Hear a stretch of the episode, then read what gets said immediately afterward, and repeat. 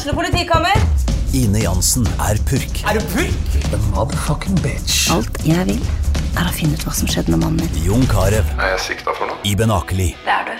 Ole So, Lars Berrum og Big Daddy Karsten. Hvem sin side er du på, egentlig? Anette Hoff, Tone Danielsen, Kommer du fra Afrika? Jørnis Josef, Nesten. Kløfta. Trond Espen Seim, Det er synd å si det, men det var feil mann som døde. Purk. Premiere tirsdag på TV2 Play.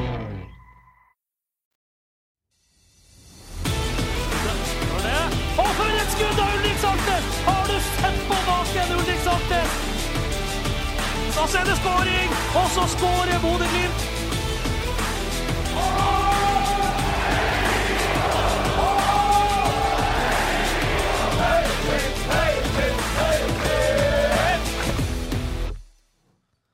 Det er ny Europacupuke, og da må vi ha Studio Glimt-pod direkte fra Sportsbaren. I dag har vi fått med oss et A-lag av gjester, selvfølgelig. Freddy Thoresen som alltid.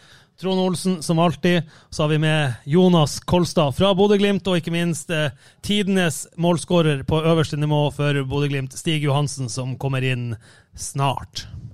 Og for et skudd av Ulrik Saltnes! Har du sett på baken, Ulrik Saltnes? Og, men først, Jonas. Velkommen. Tusen takk. Det var jo en skikkelig varm eh, applaus man fikk der når man ble presentert. Så jeg må si tusen takk til publikum som møtte opp her. Og... Ah, se her, ja! Det er nydelig. Takk, takk. Det vi alle lurer på, Jonas, har dere kontroll på Punic til i morgen? Jeg føler at vi er godt forberedt på hva som kommer på, til Aspmyr i morgen. Vi har uh, sett uh, kamp av dem. Han Åsmund har sett uh, så forrige kamp mot Kalmar live. Vi har sett flere kamper på video, så vi er ganske trygge på hva som, hva som kommer. Og, eh, så eh, jeg tror vi skal være godt forberedt til matchen i morgen. Det er godt å høre. Men sist gang jeg og Trond var her, så kom jo Trond med noen historier fra noen reiser som du og han har vært på. Har ikke du noe du kan ta han på litt? Nei, det er vel ikke så mye man bør komme inn på her, da. Men eh, vi har vært som- veldig mye Vi har vært veldig mye og reist i lag, jeg og Trond, og det har vært utrolig, utrolig gøy, da. Så eh, det er jo sånn når vi er ute og spiser og skal og bestille mat, så det er jeg som ser på menyen og bestiller, og så han bare tar same, same. Det hørtes kjent ut fra Praha, det. Ja, det er det, er det enkleste. Du, Trond eh, Jonas sier at de har full kontroll på Punic. Det har jo du også nå etter du og du var jo så heldig at vi fikk en gjennomgang med Åsmund i dag, hvor han forteller oss absolutt alt. Du har, eh, du har papirene foran her, på, der står det Punic på Aspmyra. Hvem, eller hva møter oss? Nei, det, det er et uh, hardtarbeidende voksent lag. Uh, mest sannsynlig så kommer de i en 5-3-2. Uh, ja, de har typer i de fleste posisjonene og kommer til å være et, uh, et vanskelig lag som kommer hit til å være defensivt og, og tett i lagdelene. Og så eh, prøver de å straffe Glimt når, når de har muligheten. Freddy, hvor mye har du satt deg inn i Punic? Absolutt ingenting. Jeg har eh, prata med en Junkeren-spiller som heter David til fornavn, og så har han et armensk etternavn. så jeg ikke- Ja, jeg har lært meg å skrive det, ikke si det. Men eh, eh, jeg har jo sett på laget, det er jo internasjonal samling. Det er fire-fem eh, armenske landslagsspillere, så er det tre-fire tre, brasilianere. Det er Venezuela representert, Colombia representert. Jeg er mest spent på Jeg lurer på om han russeren og han ukraineren deler rom her i Bodø. Det, det er noe jeg gjerne skulle ha likt å visst, men jeg tror ikke det er så lett å nærme seg den armen, eller gjengen fra Armenia. Men det er et godt fotballag. De slår Kalmar 2-1 to ganger. Så er jeg mest opptatt av at Bodø-Glimt skaffer seg et ekstremt godt utgangspunkt her hjemme på Aspmyra, for det tror jeg er lettere for Bodø-Glimt enn i 30 graders varme minimum i eh, Jerevan eh, klokka 20.00 eh, lokal tid eh, neste torsdag. Freddy, jeg skal gi deg en nøtt. En spiller som har spilt i Bodø-Glimt og vært i Punic. Ja, La meg tygge litt på den mens dere snakker videre. Det er lov for dere andre òg å svare på den hvis dere kan. Ja, ja. ja Klingan, her er Du elsker jo sånn der eh, quizer. Så eh, Klingan sitter på første rad, og han kommer til å juble ut sammen med Alf hvis de finner ut av det der. Tok du den, Jonas? Ja, har vel en liten idé. Han fikk ikke mange kamper for Glimt, og enda mindre kamper for Punic. Også et vanskelig etternavn. Pernambuco. Nei. Er fors... Nei, ok. Jeg var så jævla fornøyd for at jeg har funnet en som har spilt i den norske eliteserien, eh, også antageligvis mot Bodø-Glimt, som spiller på Aktobe. Jeg er mer der, i tilfelle Aktobe slår Sepsi fra eh, Var det Romania? Jeg holdt på å si, Jonas, er dere dere- også begynt å tenke på, på playoffen allerede? Nei, vi er, vi er ikke der. Vi er ikke der. Uh, vi har bare fått med oss at det kan bli Kasakhstan, og det er lang, en lang reise, da, men det får vi ta. Eh, Nå skal vi, har vi match i morgen vi må ha fokus på først. Men eh, Jonas, eh, det Freddy er inne på det. Det blir minimum 30 grader i Ar Armenia. Dere har vært i Warszawa og fikk litt trøbbel i varmen der. Eh, Lærte dere mye av det, eller dere, dere begynt å forberede noe av det, det varmeproblematikken? Ja, altså, det er jo sånn at hvis du skal akklimatisere så bør du være der minimum sju til ti dager eh, før, og det rekker vi jo ikke. Da må vi jo ta samme fly som eh, Punic til, tilbake til eh, Armenia i morgen. Det gidder vi ikke. Eh, vi lærte du kan si, I forhold til Warszawa så lærte vi det at vi, vi trener dagen før kamp eh, klokka 11, altså vanlig tid som vi trener i, eh, i Bodø. Og det er dumt. Det var dumt, for var, da var det 30 grader istedenfor å trene når sola har gått ned. Så det har vi lært av det. I tillegg så har vi eh, vanligvis hatt en slags en aktiveringsøkt på kampdag på formiddagen ute, og det gjorde vi også i Warszawa, i 30 grader, og det var dumt. Så det er jo sånne ting som vi eh, ikke gjør igjen. I tillegg så Ja, så vi Neste uke så skal vi trene på når sola har gått ned, på kamptidspunkt. Og så har vi en litt eh, Vi reiser seinere ned enn det vi vanligvis gjør pga. Uh, ja, det er både med, med varme og, og høyde. Ja, for, det, for altså, Kalmar de kom ned og spilte på 1600 meters høyde. Ja. De merka det veldig godt. Ja. Dere som spiller på 1000 meters høyde, men det er også ganske det er 1000 meter høyere enn Bodø, altså. Ja, jeg tror at man kan merke det, da. Eh, Det er litt tynnere luft. Ser at jeg har vært og sett kamper i Erevan tidligere. Og jeg var i, i VM i fotball i 2010 i Johannesburg. Og dere reagerte på at ballen gikk så langt. Alle keeperne skjøt over hele banen, men det er jo pga. Den, ja, den tynne lufta. Og det er mer krevende.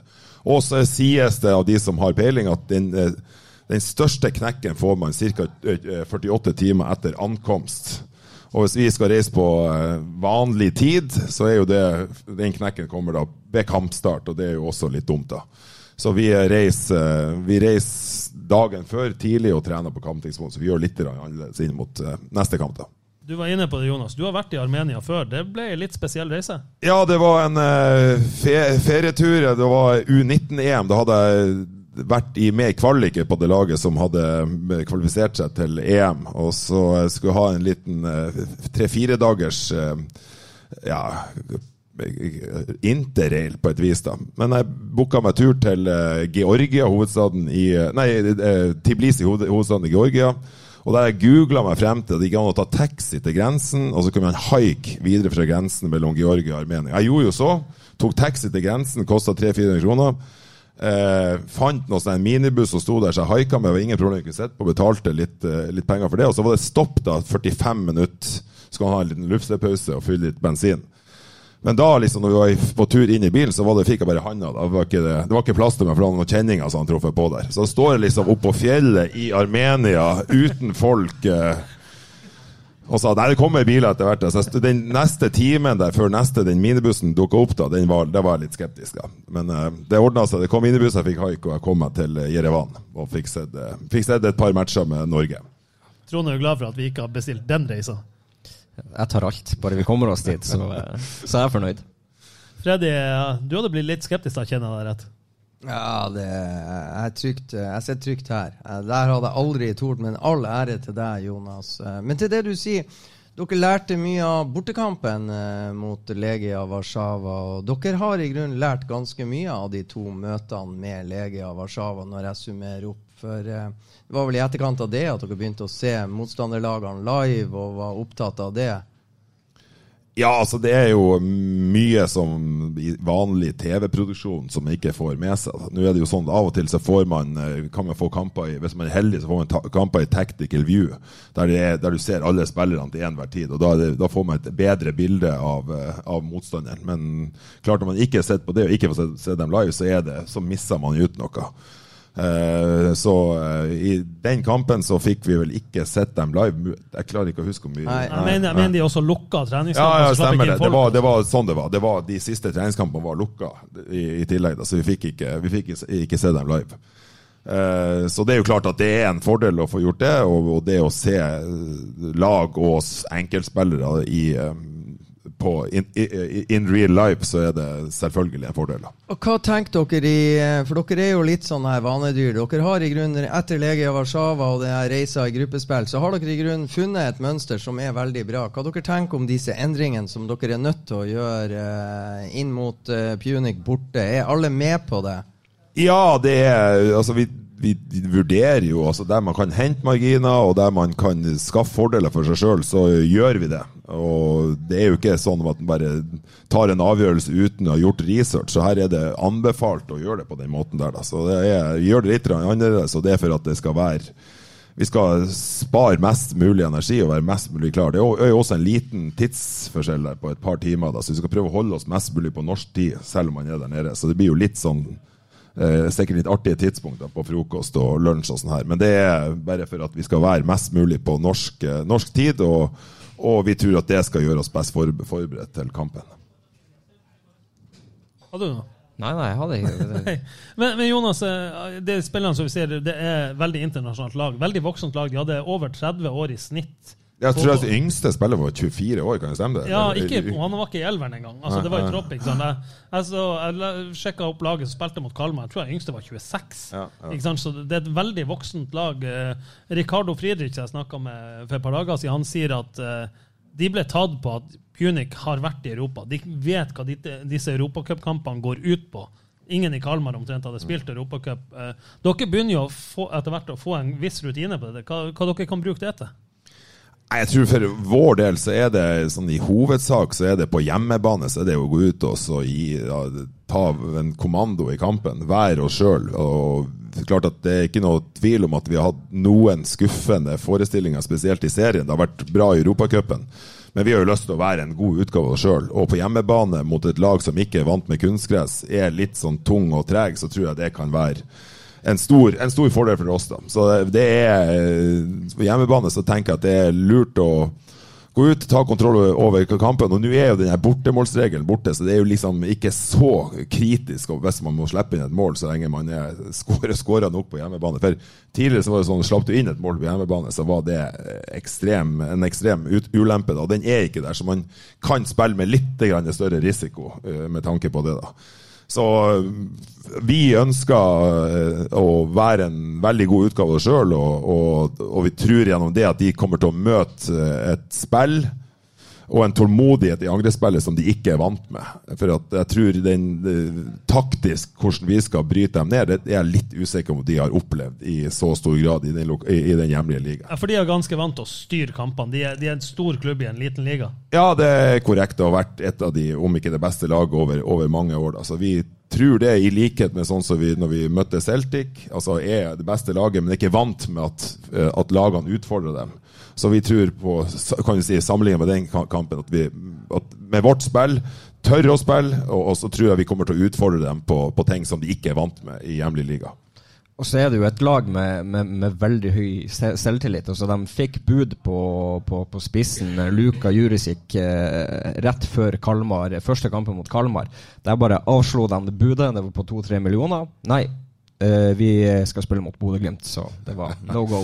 det var, ja, ja, det er klart. Da, de, da, da så de for deg at det var wa- Walk in the park mot Kalmar, da. Men det var, de var klart best over to kamper mot Kalmar. Jeg har sett de, de kampene der. Det var fullt fortjent at de, at de gikk videre der.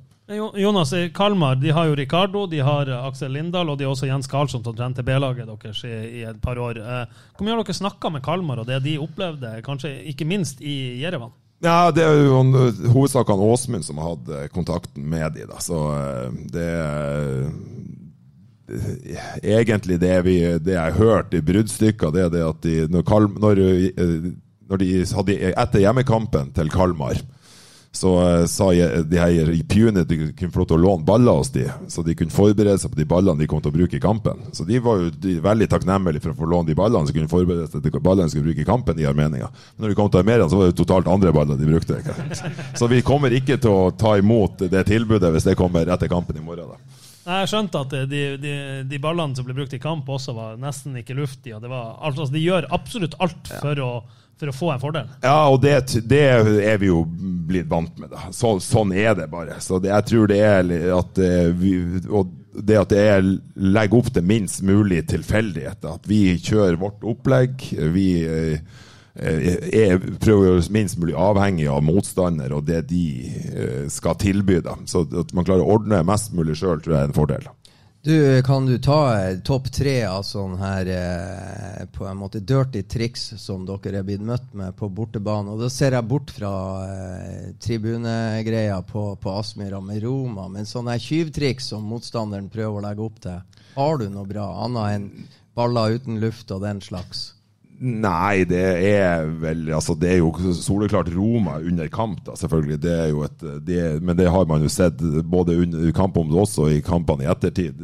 Sist i denne finalen i Europa League.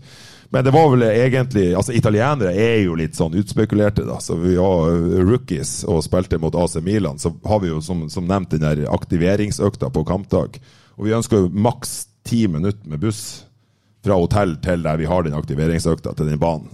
Og det blir jo lova da. Ja, ti minutter, kanskje tolv minutter til fra hotellet til Og det var jo 45 minutter til vi kom frem der. Så, så sånne ting, ikke sant. At er, de står på tro og ære og lover at det er 10-12 minutter å kjøre, og så er det 45 minutter. Så det er jo eh, også ting man tar lærdom av. Så, så etter den kampen så fiksa vi de her banene sjøl, istedenfor at bare avhengig av motstandere. Ja, Så sånne triks er det hele veien? Ja, på de store lagene er det jo det, da. Så eh, det har man jo opplevd. Altså Roma òg, ikke sant. Snill og hyggelig, men er, man får ikke noe gratis. Jeg tror det er en, også de som driver på og skal fasilitere før kamper, vår arrangementsavdeling, og ha kontakt med de her. Kan, kan sende mailer, spørre etter ting, men får ikke svar. Og de bare utsetter og utsetter og utsetter og trenerer. Mens de mindre lagene, det har jeg ikke liksom, Da har jeg ikke opp, så vidt jeg kan huske, da. Nei, Så bo at Bohemians-fansen sender opp litt fyrverkeri i anledning at de har storfint besøk fra Bodø, det er greit, og det er sånn uskyldig moro? Eller? Ja, det, det var vel ingen som tok skade av det. Altså, det, var, det, er bare, det er bare gøy. Det er bare gøy. Vi får håpe at Glimt-fansen som sitter på første rad, snart kan begynne å slenge rundt seg hotellene i Bodø med litt sånn her feskslo og fanteri eh, etter hvert så de litt større lagene kommer på besøk. Det får være oppfordringa. Ja, jeg, jeg, jeg, jeg husker at dere nevnte det. vi- Jeg møtte dere på Jeg, jeg våkna ikke. Jeg, jeg er ganske sånn Jeg er ikke den som sover tyngst, da. Så jeg vet ikke, jeg vet ikke hvor mange spillere som våkna der. Så jeg, Jeg har ikke hørt om noen spillere som våkna. nei, nei, så det er jo et eh, dårlig, dårlig, dårlig forsøk, egentlig. Altså. Du er vel kanskje ikke overraska over at han Jonas Nei, Trond ikke våkna? Nei, det er jeg ikke overraska over. Stian, jeg fikk jo faktisk lyst til å ta buffétrikset til Karl Erik Bøhn, hvis du husker det. Ja, vær så god. Det er jo- Det- det- da, da snakker vi håndball, altså Norges beste håndballag, Vipers Nei, det- Nei, Larvik, Larvik. Larvik når de skulle vinne Champions League, og hva de gjorde med spesielt lag, lag fra øst. Ja, lag fra Balkan, Øst-Europa osv. osv. For da er det hjemmelaget som til enhver tid skal servere motstanderlaget. Og så eh, blir de da, når de er på bortebane, så blir de servert, og det går jævla bra. Og eh, mens Jonas og Glimt bestiller buss eh, til stadion som skal ta eh, 10-12 minutter, så bestiller jo motstanderlaget når de er i Larvik, de bestiller middag ganske sånn sunn mat som skal serveres på det og det tidspunktet. Og det er jo da Karl Erik Bøhn eh, kommer opp med buffettrikset. For det første, maten kommer selvfølgelig en halvtime etter skjema. Og det er ikke pasta og kylling som lag trenerne har bestilt, men full buffé. Sånn at sultne østeuropeere går fullstendig bananas i matfatet, og ergo har litt for mye mat på kampdag i seg i forhold til kamptidspunktet. Så det var buffettrikset. Så det kan dere jo ta med dere, Jonas. Jeg har jo sittet og tenkt at sånn, så de fleste bor på Scandic Cave. Jeg hadde jo sørga på sommeren og gitt dem kun hotellrom med lyse gardiner. Altså, det, det hadde jeg ikke tenkt et sekund på å gjøre. Men Men eh, Jonas, det har vært mye snakk om prat innad i gruppa etter Vikingkampen og, og eh, evaluere seg sjøl. Hva det går ut på? Nei, det er vel litt eh, Eller i hovedsak så er det jo Viking kan, altså, De to tapene vi hadde i serien, så Viking og Tromsø er litt ulikt. Eh, man, mot Tromsø så merker man at det er flatt batteri på veldig mange spillere. De vil, men de, de makter rett og slett ikke. Eh, energinivået inn mot Viking føles bra, og så er det det måten vi forsvarer oss på. Det blir for lett å spille gjennom oss, det blir for lett å spille rundt oss, det blir for lett, lett å spille bak oss. og det er liksom eh, måten, måten vi, forsvarer oss på. Det er liksom eh, Følelsen har vært at det er for få som må fikse for mange, og så er det for mange som må fikse for få, rett og slett. Så det er jo litt at man skal være litt mer, eh, litt, mer, litt tøffere i trynet i måten vi forsvarer oss på og presser på. da. Men Jonas, eh, det er veldig mange som legger all skyld på stopperne. Men det er ikke sånn at dette nødvendigvis er eh, Odin, Brede og Lode sin feil. Nei, det er veldig sammensatt. Det er ofte sånn at det er skal man forsvare seg godt, så er det, bør alle elleve være med. Da. Så har du jo enkelte lag som klar, klarer det godt eh, uten med tid, f.eks. med Ronaldo eller Messi på laget. Da. Men eh, jeg tror på det nivået som vi er på, så er det, man avhengig av at alle, alle bidrar. Og, eh, men eh, det har blitt litt sånn oppgitt. Man vil, men man føler at vi henger ikke helt i hop. Så har vi jobba litt med å sett på ting da, som gjør at vi kan vi kan holde, henge mer i hop. At vi skal klare å få brudd høyere i banen, og at eh, eh, motstanderen ikke skal ha ballen så mye. da. Uten å henge ut Faris på noen måte, men det er ikke, det er ikke alle som tenker på at spissen gjør en vanvittig jobb, eller viktig jobb, for at man skal vinne ballen gunstig litt lenger bak i banen. Ja, ja, absolutt. Og Faris har gjort en kjempejobb, men så blir det ofte at Faris må presse på den ene stopperen, og på den andre stopperen, den tredje stopperen og på keeperen, og da blir det tungt for Faris. Så nå må han Faris få noen til å hjelpe seg i større grad for å få tak i ballen. da. Så også kantspillere og indreløpere må, må ta litt av det ansvaret. Ja. Tror dere skal få, se litt i morgen. Og du Jonas, den, den prosessen dere har stått i For Patrick Berg har jo avslørt at det begynte jo ganske tidlig på hotellet etter Vikingkampen. Og det er mange spillere som skryter av prosessen. Kan du fortelle litt om hvordan dere har jobba? Hvor, høyt er taket, takhøyden når dere diskuterer? Nei, da er det vel egentlig ikke tak. Det, er, det, var, det, det starta vel egentlig på, på flyplassen. Vi reiser hjem rett etter kampen mot Viking. Da. Så er det jo en tror det er noe som mange har kjent litt på i ei lit- lita stund. Altså, er det egentlig bare hva det er Kjetil er veldig inkluderende, alle trenerne er inkluderende. Vi lufter hva, er, hva føler vi, hva må rettes på, har dere forslag? hva og så lytter man, og så setter man seg ned og diskuterer, og så diskuterer vi trenerne, og så kommer et forslag og prøver å selge inn det, og de spillerne syns det er virker lovende. Man diskuterer enda mer, og så har man en plan på hvordan vi skal gjøre det. Så Så, det, er, det er enorm eh, flat profil. Eh, spillerne blir hørt, spillerne blir inkludert. Så det og, Og spillerne bidrar. og spillerne bidrar Ja. eh, i aller høyeste grad. Så, det, er- så det, er jo, det er jo de som skal gjøre det der, ikke sant? og de er utpå der og kjent på det. Så det er klart at det er utrolig viktig at de, deres stemme blir hørt. da. Så, eh, så, det så får vi håpe at vi får, eh, at vi får en effekt av det. da. Har det vært interessant og lærerikt frem til nå? Ja, altså, det, er noe, det er ikke noe vi har gjort det her før. Ja. Altså, det, er ikke, det er ikke historisk. Har dere Dere har vunnet alle kampene ja, i fem det, år på rad. altså. ja, ja, men det er masse man diskuterer Ja, ja, ja. Med, med, med spillerne på hvordan ting gjøres. Både Nå er- det forsvarsspillet, men det har vært i angrepsspillet, det har vært på siste tredel, det har vært i gjenvinninga, det har vært på dødball. Det er- masse man diskuterer. Og så har det kanskje fått litt ekstra fokus fra dere i media de siste, de siste dagene. da. Men det tåler dere. Ja, ja, ja. Det, nei, det, det er ikke noe Nei, det der det, det, det, tåler man. Det er jo jævla kjedelig å tape kamper. ikke sant? Det, sånn, ha fri på å komme hjem sent på søndagskvelden eller på natta. Og fri på mandag. Egentlig ikke lyst til å stå opp. Du ligger jo der og helvete, er det mulig? Tap i går igjen. Og har jo ikke lyst til å stå opp, men det, man kommer seg opp, og det, det går jo bra. Det går jo videre. Men det er jo ny kamp på torsdag allerede, så, så sånn er fotballivet. Freddy er inne på det. Man, dere har stort sett vunnet alltid i, i flere sesonger. Da, da bygger man jo selvtillit. Men det er ingenting som rases, raseres så fort som selvtillit. Men, men dere har hatt et par dårlige eh, prestasjoner og opplevelser i siste. Tror du at det kan gå utover selvtilliten på noen måte?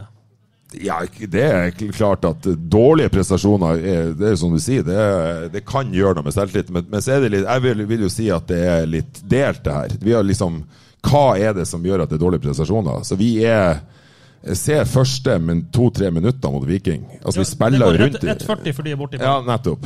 Og de, de, de har gira seg opp i ei uke. Og sikkert i, siden de var på Aspmyra sist til den kampen der, og så går vi ut i 100, så får de ikke tak i ballen på 1 minutt og 40 sekunder. Og det er litt sånn knøvlete feilpasning som blir slått av. Altså det er, så Vi har jo et angrepsspill som er meget bra. Altså Folk byr på seg sjøl, folk vil ha ballen. Vi spiller ut Viking, vet hva de kommer med, vi klarer å bryte ned.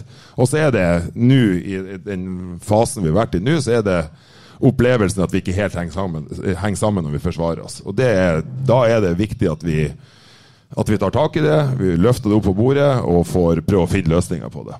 Så det er liksom, det er, Man må ikke liksom Glimt er dritdårlig. Nei, Glimt er ikke dritdårlig. Vi har vært dårlige å forsvare oss de siste, siste kampene. Da må vi fikse på det.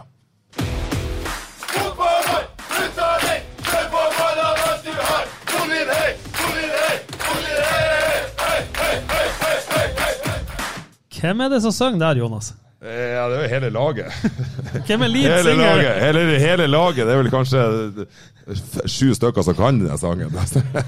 Jeg sa at Vi jeg skulle, prøver å lære de nye spillerne der. Ja. jeg sa jeg skulle spørre deg hva er historien bak sangen, men den er så gammel at det vet du ikke. Nei, jeg, jeg, jeg, vet, jeg, jeg vet ikke. Nei, for at jeg er Jeg, tror du må spørre Stig når han kommer. Kanskje han, Ja, kanskje Stig, han jeg er på nærmere Stig om han vet, altså, jeg, jeg kom jo Jeg har jo Første gang jeg hørte den sangen, var i 1994, tror jeg. Og det og tror jeg den har fortsatt vært i mange år, da. Så det, Kanskje vi må spørre han Frank Simonsen om hva Ja, det kommer fra. Nei, nei jeg, jeg, lurer på det kom på 80-tallet. eh, At, det- at det er For Stig, den var jo når du Ja, ja. Ja, ja. Ja, ja, altså. 86-87, sier Stig. Ja, ja. Nei, så det når jeg kom tilbake da for, sånn, eh, for godt i 2003, så var, det, så var det den. Og så ble det jo sånn at jeg på en, et vis ble eh, forsanger etter hvert. da. Så jeg har jo, eh, Uten at jeg har Jeg kan teksten, men jeg kan ikke hele historien. Ja, hvordan er teksten? Neste spørsmål. Pump han opp, putt han inn, kjør på, kjør på med ballene alt du har. Så det er jo pump opp ballen, putt den inn i målet. Kjør på med ballene. ikke sant? Kjør på med fotballene, alt du kan. Så det er opp, opp, opp ballen. ikke sant? Det var jo sikkert på 80-tallet. Måtte pumpe opp ballen før kamp, for de holdt det. så da Måtte pumpe opp flere ganger i kampen. Ja, ja. Det er jo faen Putt han inn i målet. ikke Ja, det er jo det, jævla det må jo være noe sånt. Det er jo lyrisk. Ja, det, ja.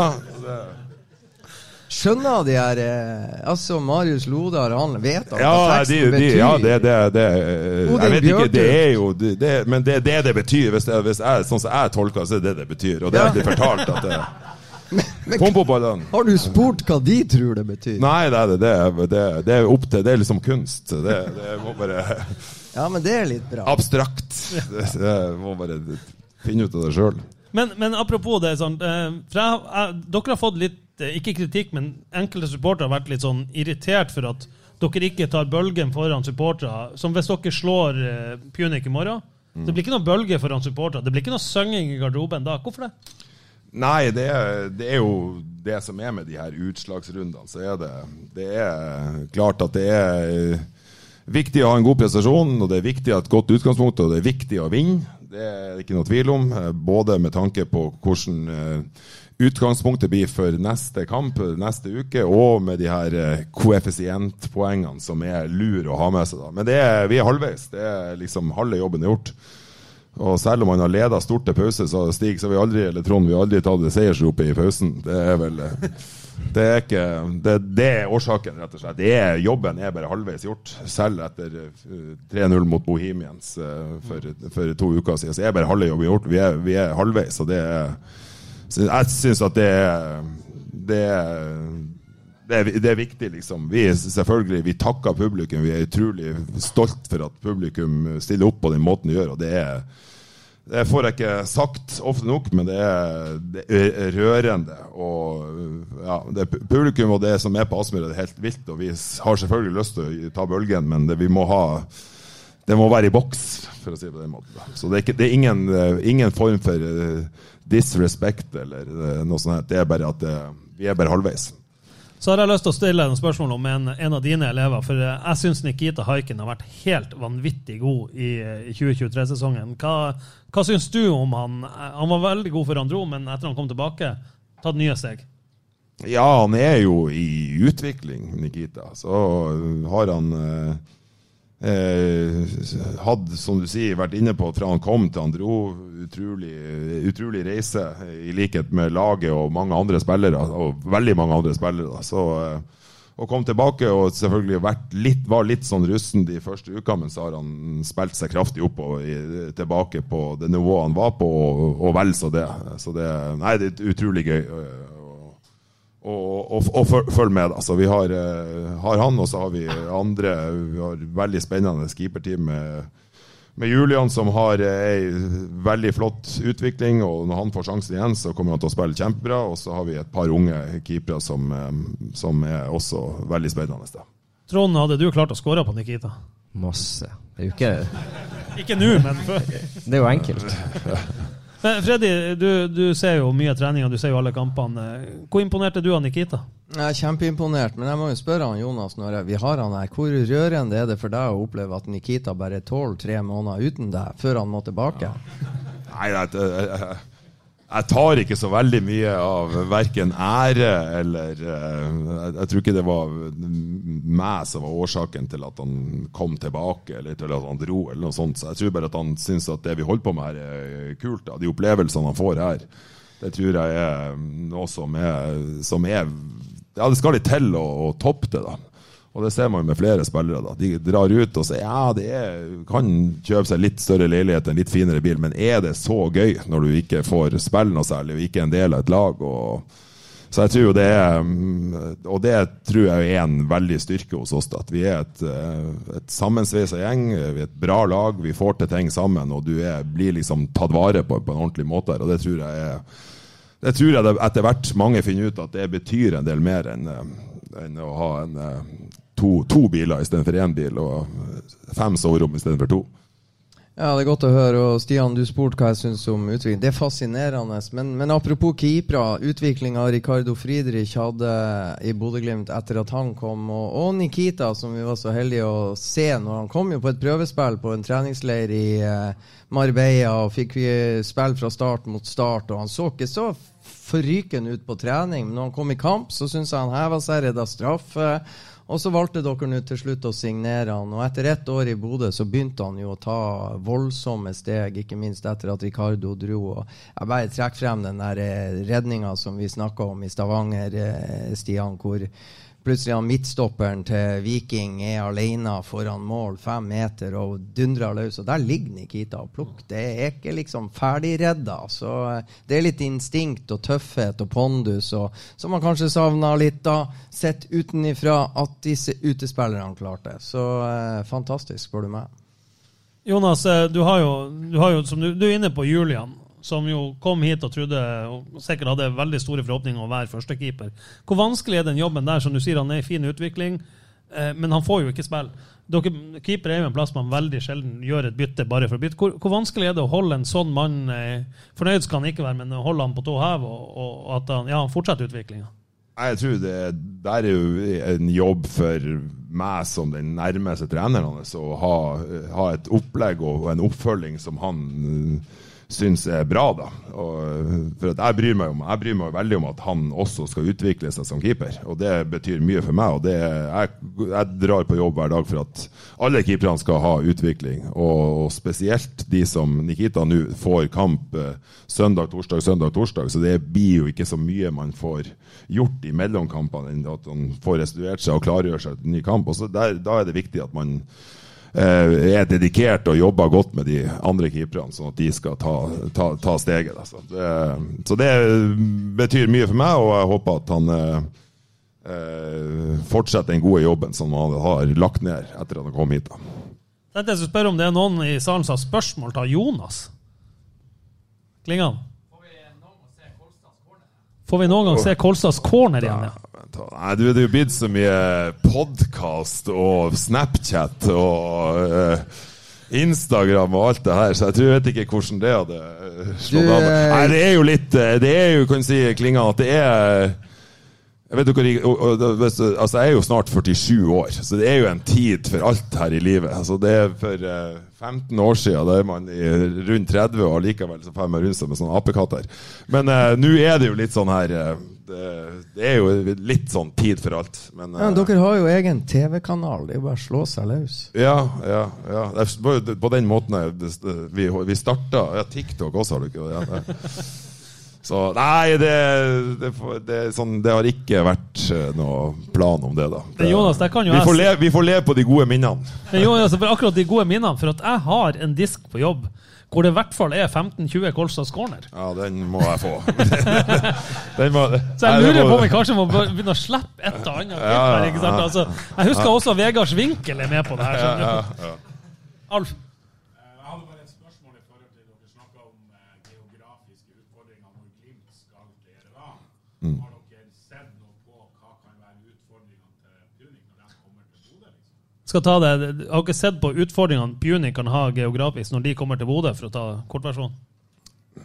Nei, det har jeg faktisk ikke tenkt så mye på, men de aller, aller, om ikke alle lag kommer dagen før kamp, sånn, jeg tipper at de har seg et måltid på hotellet, og så trener på kamptidspunkt. Det er stort sett det alle gjør, da. Så det er klart at det tar på, hvis du er vant med å reise lite, da, så det, vil jeg tro at det er noe som de merker.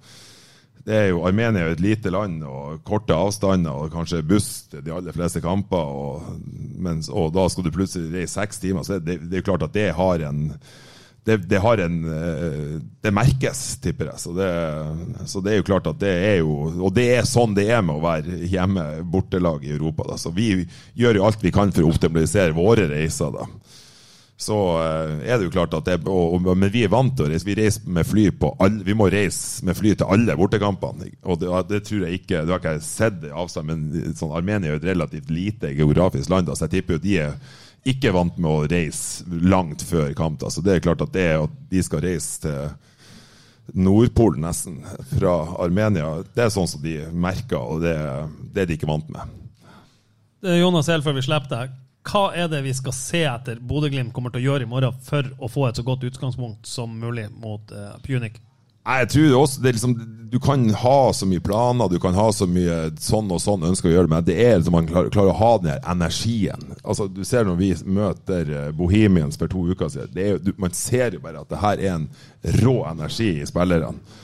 Eh, fremoverretta, eh, angrepsvillig, gå rett i strupen på dem, ikke gi dem noe gratis. Eh, Spille i lav, stå Det er jo sånn at man spiller motstander lav, som jeg tror vi kommer til å gjøre i morgen, så må man klare å være god i gjenvinninga og, og angripe, angripe, angripe. angripe. Så tror jeg Det er det som er, det er, det som er målet og, og planen.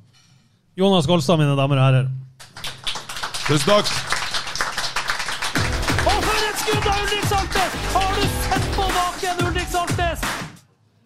Ja, og mens eh, vi gjør et lite bytte og får ut eh, Jonas Kolstad går ut, så får vi inn eh, en mann som også fortjener en applaus, litt større enn det Jonas fikk når han kom. Eh, Takk, takk.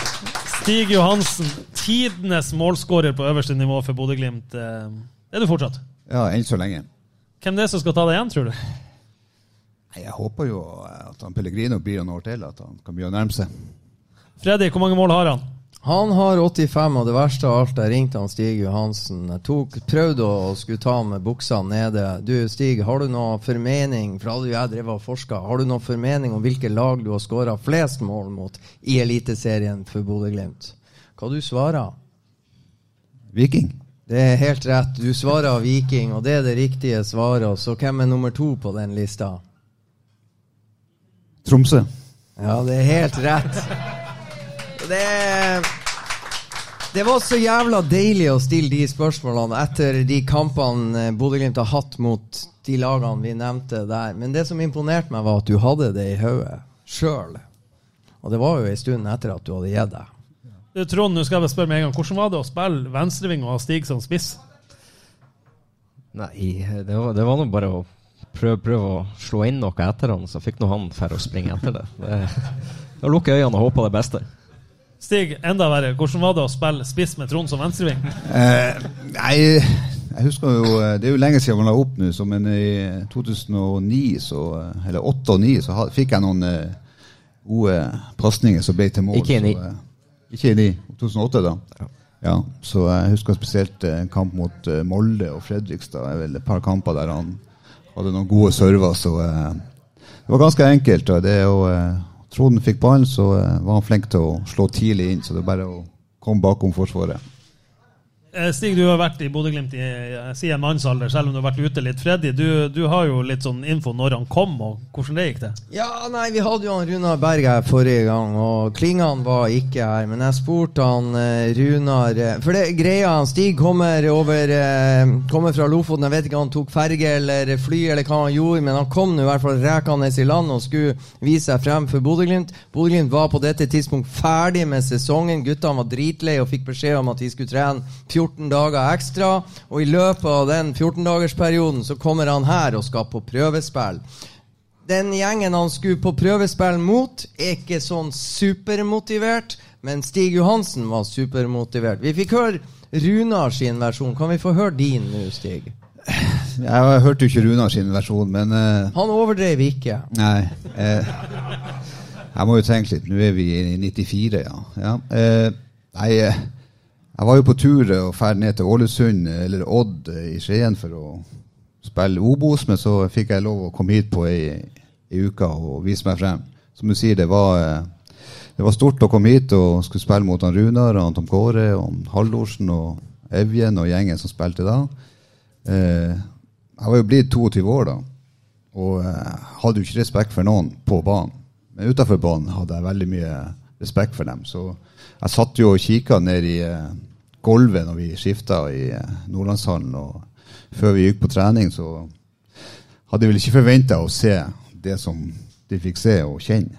Så eh, det var vel eh, en del dueller som de ikke hadde forventa. Nei, Det er vel mange her som har sett han stige på banen. Han skvetter jo ikke unna i dueller, så du tok for deg, for å si det pent. Og Runar forteller jo at eh, det var Hva det heter det der stiene, de der grå Skilleveggene. Skilleveggene, ja. Han, eh, han har jo fortalt at han ble takla av Stig Johansen og var fire meter opp i en sånn fire I en sånn her skillevegg. Det torde han jo ikke å si, men han har jo fortalt det i lystig lag. eh. Men du var, du var på hugget. Jeg har lært i eh, mitt eh, eh, ja, 50 års gammel liv 51 eh, at du må bare ta for deg hvis du har lyst, å, lyst på noe. Og hadde veldig lyst til å komme til Bodø-Glimt. Altså. Du, Hvor lang tid tok det før du fikk et kontraktsforslag? Det gikk ganske fort, og, men det gikk enda fortere å si ja. Ja. Og så ringte du hjem til din kjære fru og skulle fortelle det glade budskap. Hva Ja, spurte? eh, ja, det er klart vi hadde jo ei datter på to år da, og spurte hva du fikk i lønn. Det vet jeg ikke. Du fikk kontrakten og signerte! Men eh, jeg kan jo si det i dag. Det var, jeg fikk eh, utbetalt 5000 kroner, og husleia var 5500. Så, eh, men det var, det var gode, penger, på, gode penger på den tida. Julie måtte jobbe, altså. Og Julie og jobba på Glimt-kontoret og fikk eh, 5000 utbetalt, hun òg. Men heldigvis var Tor Ove gavmild med Adidas-klær, så vi klarte oss. Du, jeg må også høre. Du sitter på Aspmyra. Du har fortsatt ikke skåra ditt første mål i Eliteserien. Dere har besøk av Lillestrøm. Fortell nå hva som skjer når du sitter endelig har kontrakt med Bodø-Glimt. Du sitter på Aspmyra. Du er- sitter på benken og håper du skal komme inn. Hva er det du på en måte bruker kutte ned ventetida med? Nei, jeg sitter jo og tramper klapp, eh, takta til de som står og synger på tribunen. Og lever meg inn der og ser på kampen og tenker, tenker her er jeg. Og, eh, da få lov å komme inn i andre gangen, og i tillegg skåre et mål på Frode Grodås, så eh, da starta liksom eh, eventyret. Ja, Godt å høre. Godt å høre. Et eventyr som har tatt deg, Stig, eh, både inn- og utland, ikke minst Mjølner i Narvik, må vi jo ikke glemme at du har spilt for. Men, men eh, Freddy sitter jo med en drakt som ja, er fra noe av det, det største du opplevde når du spilte for Helsingborg og fikk spille Champions League. Ja eh, Ja, se her. Jeg har fått han hos han Ørjan Berg for øvrig, som du Merkelig nok, vi har et bilde fra den kampen. Dere bytta drakt etter kamp, og bare det er jo en sensasjon. For det bildet er jo fantastisk. Dere er jo i ferd med å ryke i slåsskamp. Ørjan for Rosenborg, og du for Nei, jeg tror vel at det vel er vel på tur å grave han ned i gresset. Ja. Så, eh, men eh, det Og det var jo Ja. midtbanesliteren Jo, Stig jo, men Johansen. det som eh, kanskje mange har glemt og kanskje ikke tror, jeg har to sider. Det er på og utenfor banen. På banen så er det, uansett om vi er kompiser og vi spiller mot hverandre, så da går jeg gjennom dem. Ja, hva det var som skjedde i denne situasjonen? Begynte du å kjefte på han for at du mente at han filma etter å ha blitt mosa Ja, vi, vi, av deg? vi tapte jo 5-1 borte, og jeg skåra selvmål på Lerkendal i Champions League, så det er ikke mange nordmenn som har gjort det. Eh, og vi leda 1-0 eh, borte på Olympia, og så Det var full fyr. Vi skulle vinne den kampen. Og da, ja. Ja, du, du, du har jo en god forklaring på det, du, det er jo et nydelig innlegg fra høyre, og så kommer du inn i boks, og så stuper du inn, sånn som du pleier på innleggene fra han Trond, og så header du ballen i vinkel. ja, på Lerkendal, ja. Ja. og det Skjebnen skulle jo ha at det var Jan Derek som slo inn. Jan Derek Sørensen spiller i landet. Du var jo så vant med det. Ja. Og da, da glemte du deg av. Og han Ørjan skulle, bare- skulle prøve å heade, så jeg skulle bare latt han Ørjan heade, for han skårer jo aldri mål. Men du, du Stig, jeg, jeg må også spørre deg, sånn, vi får høre historiene når du kom på trening og ja, jeg sier trykka ned spillerne og, og takla de litt når du prøvespilte. Men etter hvert så ble jo du en bærebjelke og en ringrev og rutinert i Glimt. Så kom det noen andre og skulle prøvespille for Glimt. Hva trenerne sa til deg da? Arlo Behrengrub, f.eks. Ja, det, det var litt spesielt. Jeg fikk, eh, vi skulle ha en eh, ung estlender, en midtstopper, på prøvespill. og Jeg vet ikke, jeg var blitt 36 år da. Så var vel han eh, Kåre som sa at eh, Stig, du eh, tar deg av Arlo, så får vi se hva han er laga av. Så det, det var full krig den treninga. Ja, for han, Arlo gikk ikke av veien for en duell? Nei, eller? men uh, han, uh, ja, han måtte øve seg litt for å stå imot meg, da.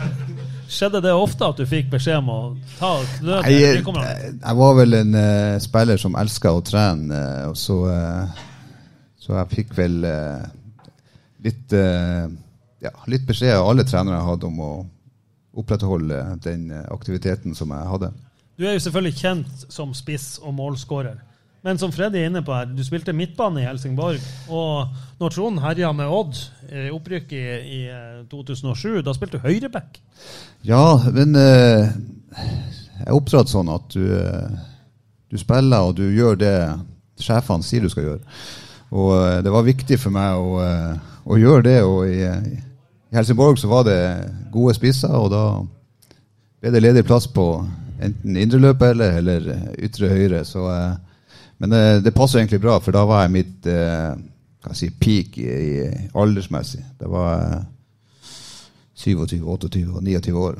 Så da kunne jeg løpe litt. Men eh, trivdes eh, best som spiss. Det her burde egentlig Freddy ha spurt om, men jeg minnes at eh, det er en Champions League-kvalikkamp mot Inter eh, hvor du skåra noen mål. Kan det stemme? Jeg skåra ikke mål, Men men uh, vi, eh, vi slo jo ut Inter og kom oss inn i Champions League. da. Eh, 1-0 hjemme og 0-0 borte. ja, så eh, jeg hadde vel en ganske ok kamp borte på San Siro der mot Sedorf og Pirlo. Så, så vi, eh, jeg ble jo kåra til banens beste av svensk TV3 da. Så, så det, det henger høyt, det. Så eh, Og svensk TV3 har peiling. Så eh, nei da, men det, det, det er ganske stort å sitte her nå når du er blitt 51 år og tenke tilbake på det. Men eh, det er utrolig stort å være i Bodø-Glimt nå når den suksessen har vært de siste årene. Det, jeg, må, jeg må innrømme at eh, når europacupkampene begynte, da, da skjedde et eller annet med meg i forhold til å Ja, vi, må, men, vi, må, vi må tilbake til interlaget. For Ivan Kordoba, Vladimir Jugovic, Klaren Sedorf, Davor Suker, eh, Andrea Pirlo, Ivan Samorano. På benken satt Alvaro Recoba, Luigi Di Biagio. Og så var det Roy Keane eller Robbie Keane, det lurer han jeg på.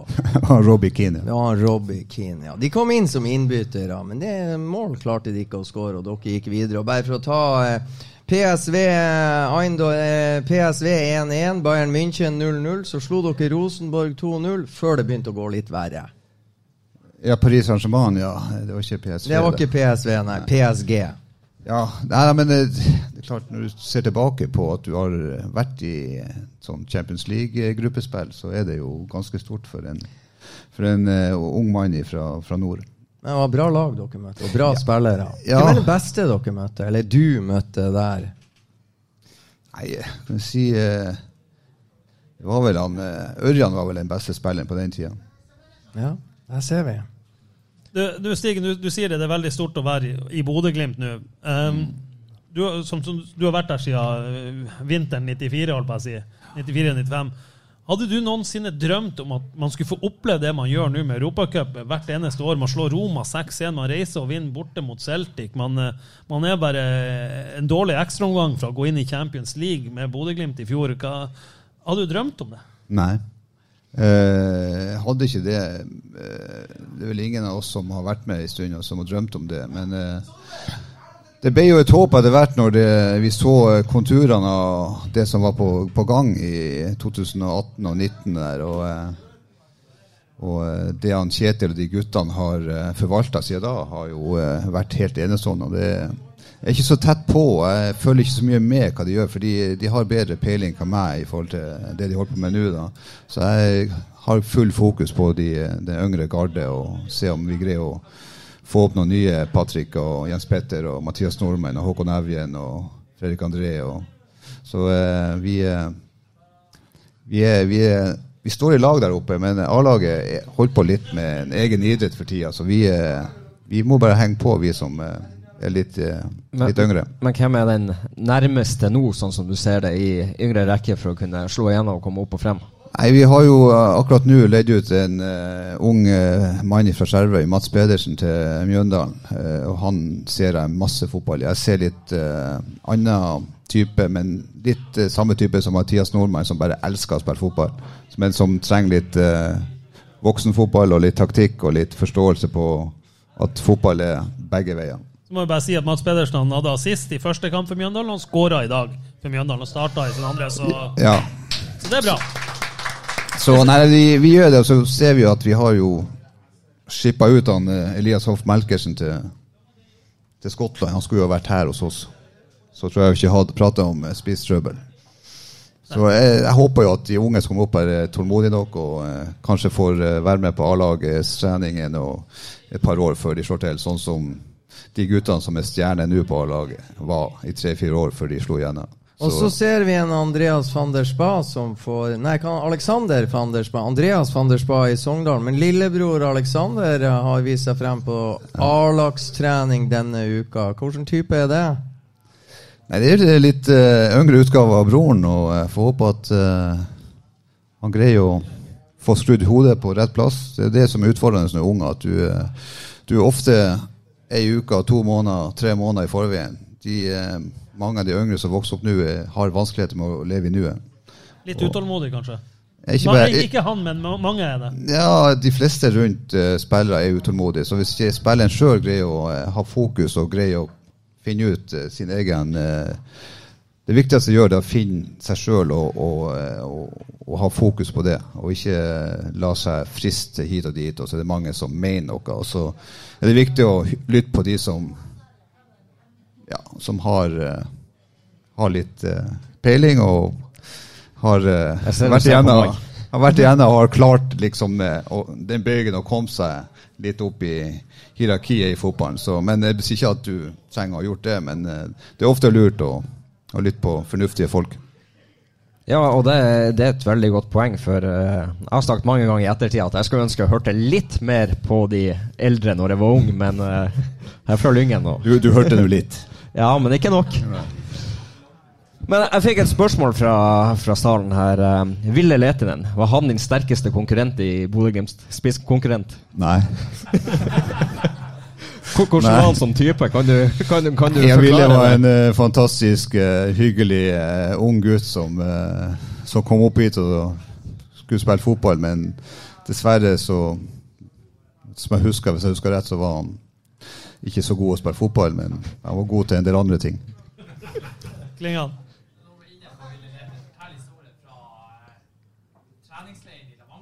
Fortell historien fra treningsleir i La Manga. Husker du det? Nei, det husker jeg ikke. Trond, var du der? Jeg tror jeg lå og sov når det skjedde. Nei, jeg, jeg husker jo ikke den, men jeg, men, men, men jeg vet vi hadde en treningskamp der nede, og uh, han drev og varma opp i hele andreomgangen, og så til slutt så ble han så frustrert, og så snur han seg mot Øystein Gaare, og så bare hører du I'm not standing here like a fucking statue.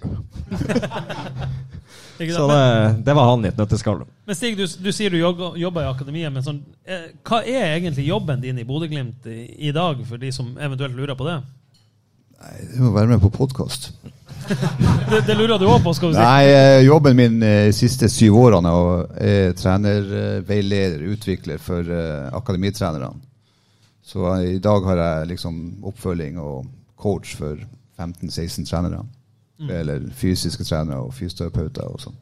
Ja, Så jeg, jeg er coach. Ja, du, er du har ikke et ansvar for et lag? Nei, eh, men jeg er på, eh, på feltet på NTG-økter, og hvis det er noen ekstra eh, gode talenter på, med spisser og vinger og litt sånn avslutning, så tar jeg på meg skoene. Det er godt å høre. Da er de trygge hender. Men, men eh, snakker, du snakker litt om det, det å være utålmodig. Veldig, veldig mange rundt unge, gode spillere er sånn at du må neste, om to måneder skal du trene med A-laget, om fire måneder skal du debutere for A-laget. Eh, nåløyet for A-laget til Bodø-Glimt nå er jo syltynt. Altså det, det er kjempevanskelig å komme opp på A-laget. Hvordan har det utvikla seg, føler du, med den suksessen? Er det blitt veldig, er det helt umulig å gå fra akademiet opp? Må man gå via noe, eller tror du det, det er mulig? Nei, Det er ikke umulig hvis han uh, Skjeldrup har uh, ønska å være i Bodø, så har han sikkert spilla fast på Glimt, han også nå. Så, eh, men det, det er jo eh, vanskelig både for eh, A-laget og Kjetil og de teamet der til å ta opp unggutter som er 17-18 år, for de er ikke klar til å spille Eliteserien. Men de blir ikke klare hvis de ikke får trene med A-laget. Det er ingen som er god nok å spille i serievisjonen og så plutselig gå inn. Det er kanskje Evjen, man spiller litt i andredivisjon, så det er alltid noen som kommer. Men de fleste må gå en annen vei, men det er mulig. Men det er litt tankesettet som vi som klubb som må se nå inn i fremtida. Med suksessen, hva gjør vi? Hvordan eh, stålsetter vi oss for fremtida i forhold til at når han Patrick og de andre begynner å ikke være verdt 50-60-70 millioner, så må vi ha nye. og det er klart, eh, jeg, jeg jobber hardt for at vi skal ta vare på egne unger i egen lekegrind. Og så jobber Kjetil og guttene for sin Og så får vi som klubb prøve å finne en god balanse etter hvert. For uh, suksessen er, er vanskelig å håndtere. og det, det, det, det, er spennende. Jeg tror vi er i en fin posisjon, og jeg tror vi kommer til å overleve i lang, lang tid. Men så handler det jo òg litt om å eh, ta vare på de du har, og gjerne de lokale eller fra nordnorske som vi ønsker å ha. Eh, det må jo være bedre å få litt frem noen flere ut av dem, istedenfor å hente en 18-19-åring fra Danmark som potensielt sett ikke er noe bedre. Ja, spør du meg, så jeg er jo veldig eh, sånn, sånn ned mot de guttene som er der. De, de er utrolig dyktige. Jeg syns de blir bedre og bedre, guttene. Vi har mer andre utfordringer nå, da. De, eh, de, de blir kanskje mer utålmodige, og de får høre at de eh, Nei, du kommer ikke på A-laget uansett. Men de, de må ikke ha fokus på det. De må ha fokus hver dag. Sånn som Kjetil og guttene. De kommer på jobb på, eh, på trening hver dag for å bli bedre. For det er så, det de trenger, unge spillere i dag, det er kun disiplin. Alt annet ligger til rette. I akademiet til Glimt så har de de har gode trenere, de har fysioterapeuter, de har fysisk trener, de har næringsfysiologer. De har alt. De vet at de skal sove så og så mye, de vet at de skal spise det og det. Og hvis en 16-17-åring ikke velger å gjøre det, så det, da må det være opp til ham. Vi skal jo jobbe med de. Men unge spillere, jenter eller gutter, det de trenger i 2023, disiplin. Stig, vi har jo nå et eh, andredivisjonslag i Bodø som heter Junkeren. Eh, tror du at på sikt at det kan være gunstig for unge talentene i Bodø-Glimt å ha Junkeren der? At noen kan gå dit og få verdifull matching i andredivisjon for å korte ned det steget opp til både treningsgruppe og ikke minst spill for å ha laget til Glimt? Jeg er veldig imponert over Junkeren og det de gjør og kampene, men jeg vet for lite om eh, treningshverdagen og kulturen i Junkeren til å svare, eh, svare noe godt på det. Så det må, det må i hvert fall eh, Det må planlegges, og det må gjøres på en ordentlig måte. Og det er en, en måte som gjør at han Kjetil og guttene er fornøyd med det. Og treningshverdagen der er, er såpass bra at den er er, det, er lik den som vi har i Glimt. Men å få kampe, kamper i andredivisjon er veldig viktig. Og, så eh, jeg, jeg har ikke noe godt svar på det, men eh, jeg har jo et håp om at, eh, at det kan bli et samarbeid for Bodø-fotballen. At eh, også Junken aksepterer at det er Glimt som kommer til å være der for overskuelig fremtid. Sånn som når Granvoll lukta oppe på 80-tallet, så greide ikke de å ta det. det. Det kommer til å bli Glimt i, i lang, lang tid. Er Kjetil, Åsmund og Morten flink til å se de yngre sine kamper, være på B-lagskamper og vise seg?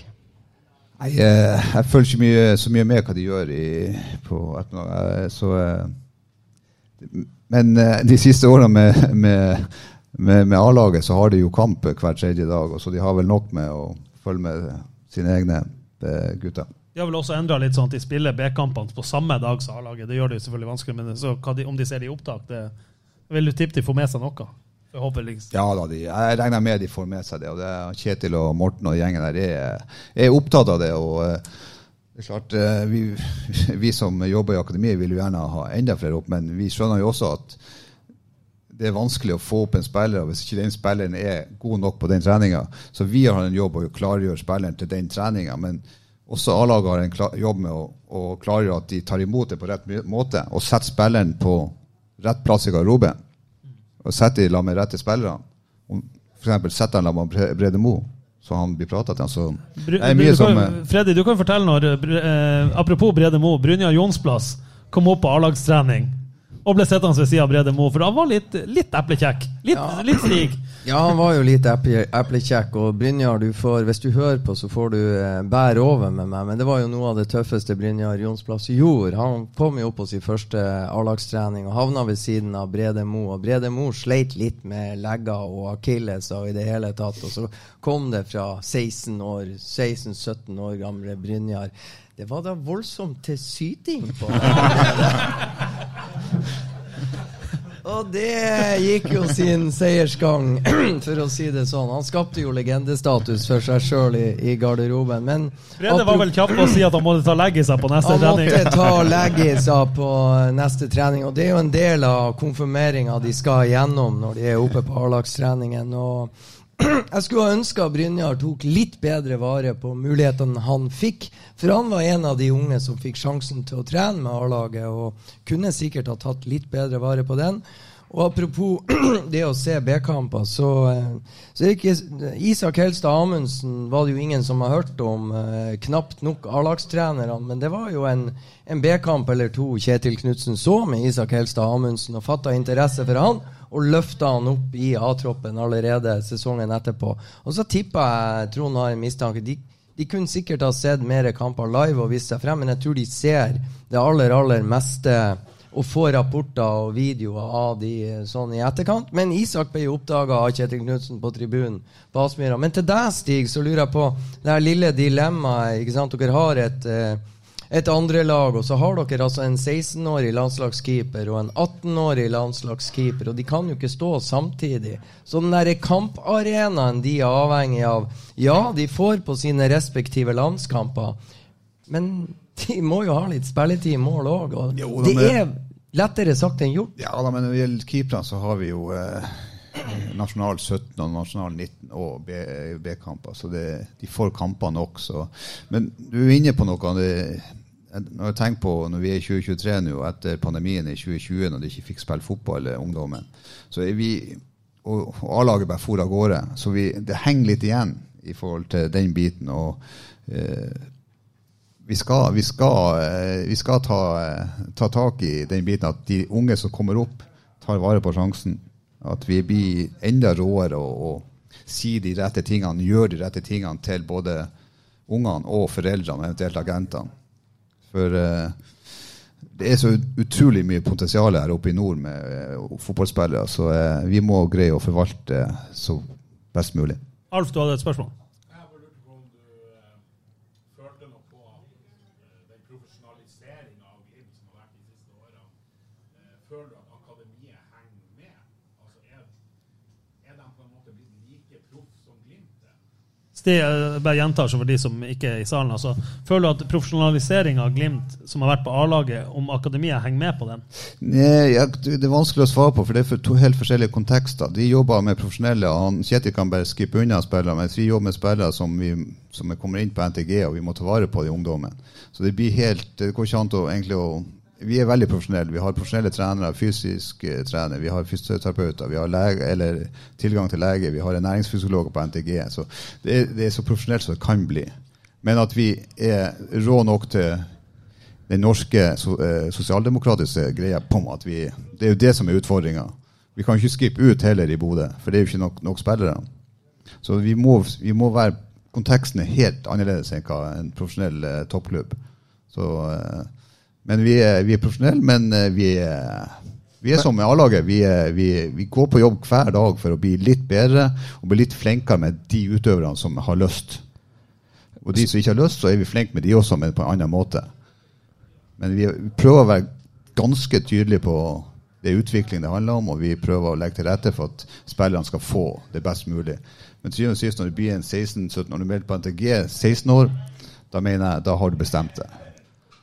Da kan du ikke begynne å klage etter to år. Fikk, nei, ok, men da, da må vi Det kjenner jeg på. Det er litt vanskelig når gutter og jenter plutselig mister motivasjon.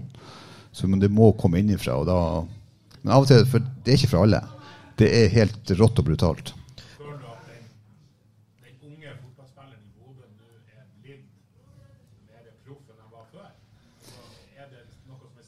Ja, det, det er blitt mer proff. Ja. Eh, Det, for å si det sånn, eh, mange av de 16-17-åringene er mye mer proff enn hva jeg var. Jo, jo, men du kan jo si det så enkelt at det er mer profesjonelt for en 16-17-åring i dag enn det var for en A-lagsspiller i Bodø-Glimt i 2018. Ja. Så enkelt er det. Så uh, ja. Stig, du, du var inne på noe som jeg syns er veldig interessant. Nasjonal serie. For det er nasjonal serie fra 15 år og opp nå.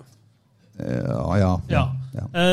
Når vi var unge, du også, så reiste vi til Norway Cup eller Gotia Cup eller turneringer. lå i- Nei, når jeg var ung, så reiste jeg til Narvik. Ja, ikke sant? Ikke lenger enn det. Du, du var den heldige av oss. Funn Cup. Eh, men, men man reiste og bodde på skole. Man spilte bortekamper her i Bodø. Så dro vi til Steigen, vi dro til Saltdal, vi dro til Ørnes, som vi syntes var kjempelangt. Nå er disse kampene er bytta ut med bortekamp i Haugesund på en onsdag. Du spiller mot Haugesund, Lillestrøm, Rosenborg, Tromsø, Molde. Du er aldri og er vanlig guttunge. Altså få være på ei turnering kan de bli metta for tidlig? At, det, at, de, at de går glipp av den der, eh, holdt på å si, ungdomstida, den kompistida, å bo i en gymsal, fære på ei turnering og, og ha det gøy? Ja, jeg tror de kan bli metta, ikke akkurat på, men bli metta at det blir for mye i løpet av et helt år. Du får liksom ikke tida den halvannen måneden på sommeren til å, til å begynne å vokse, til å begynne å gjøre andre ting. Men eh, det, utviklinga har jo vært sånn i hele verden eh, med profesjonalitet i akademiene. Så vi er jo ganske unge som nasjon i akademisammenheng. Så vi har jo sånn jobba mye med alle klubbene i, i Norge.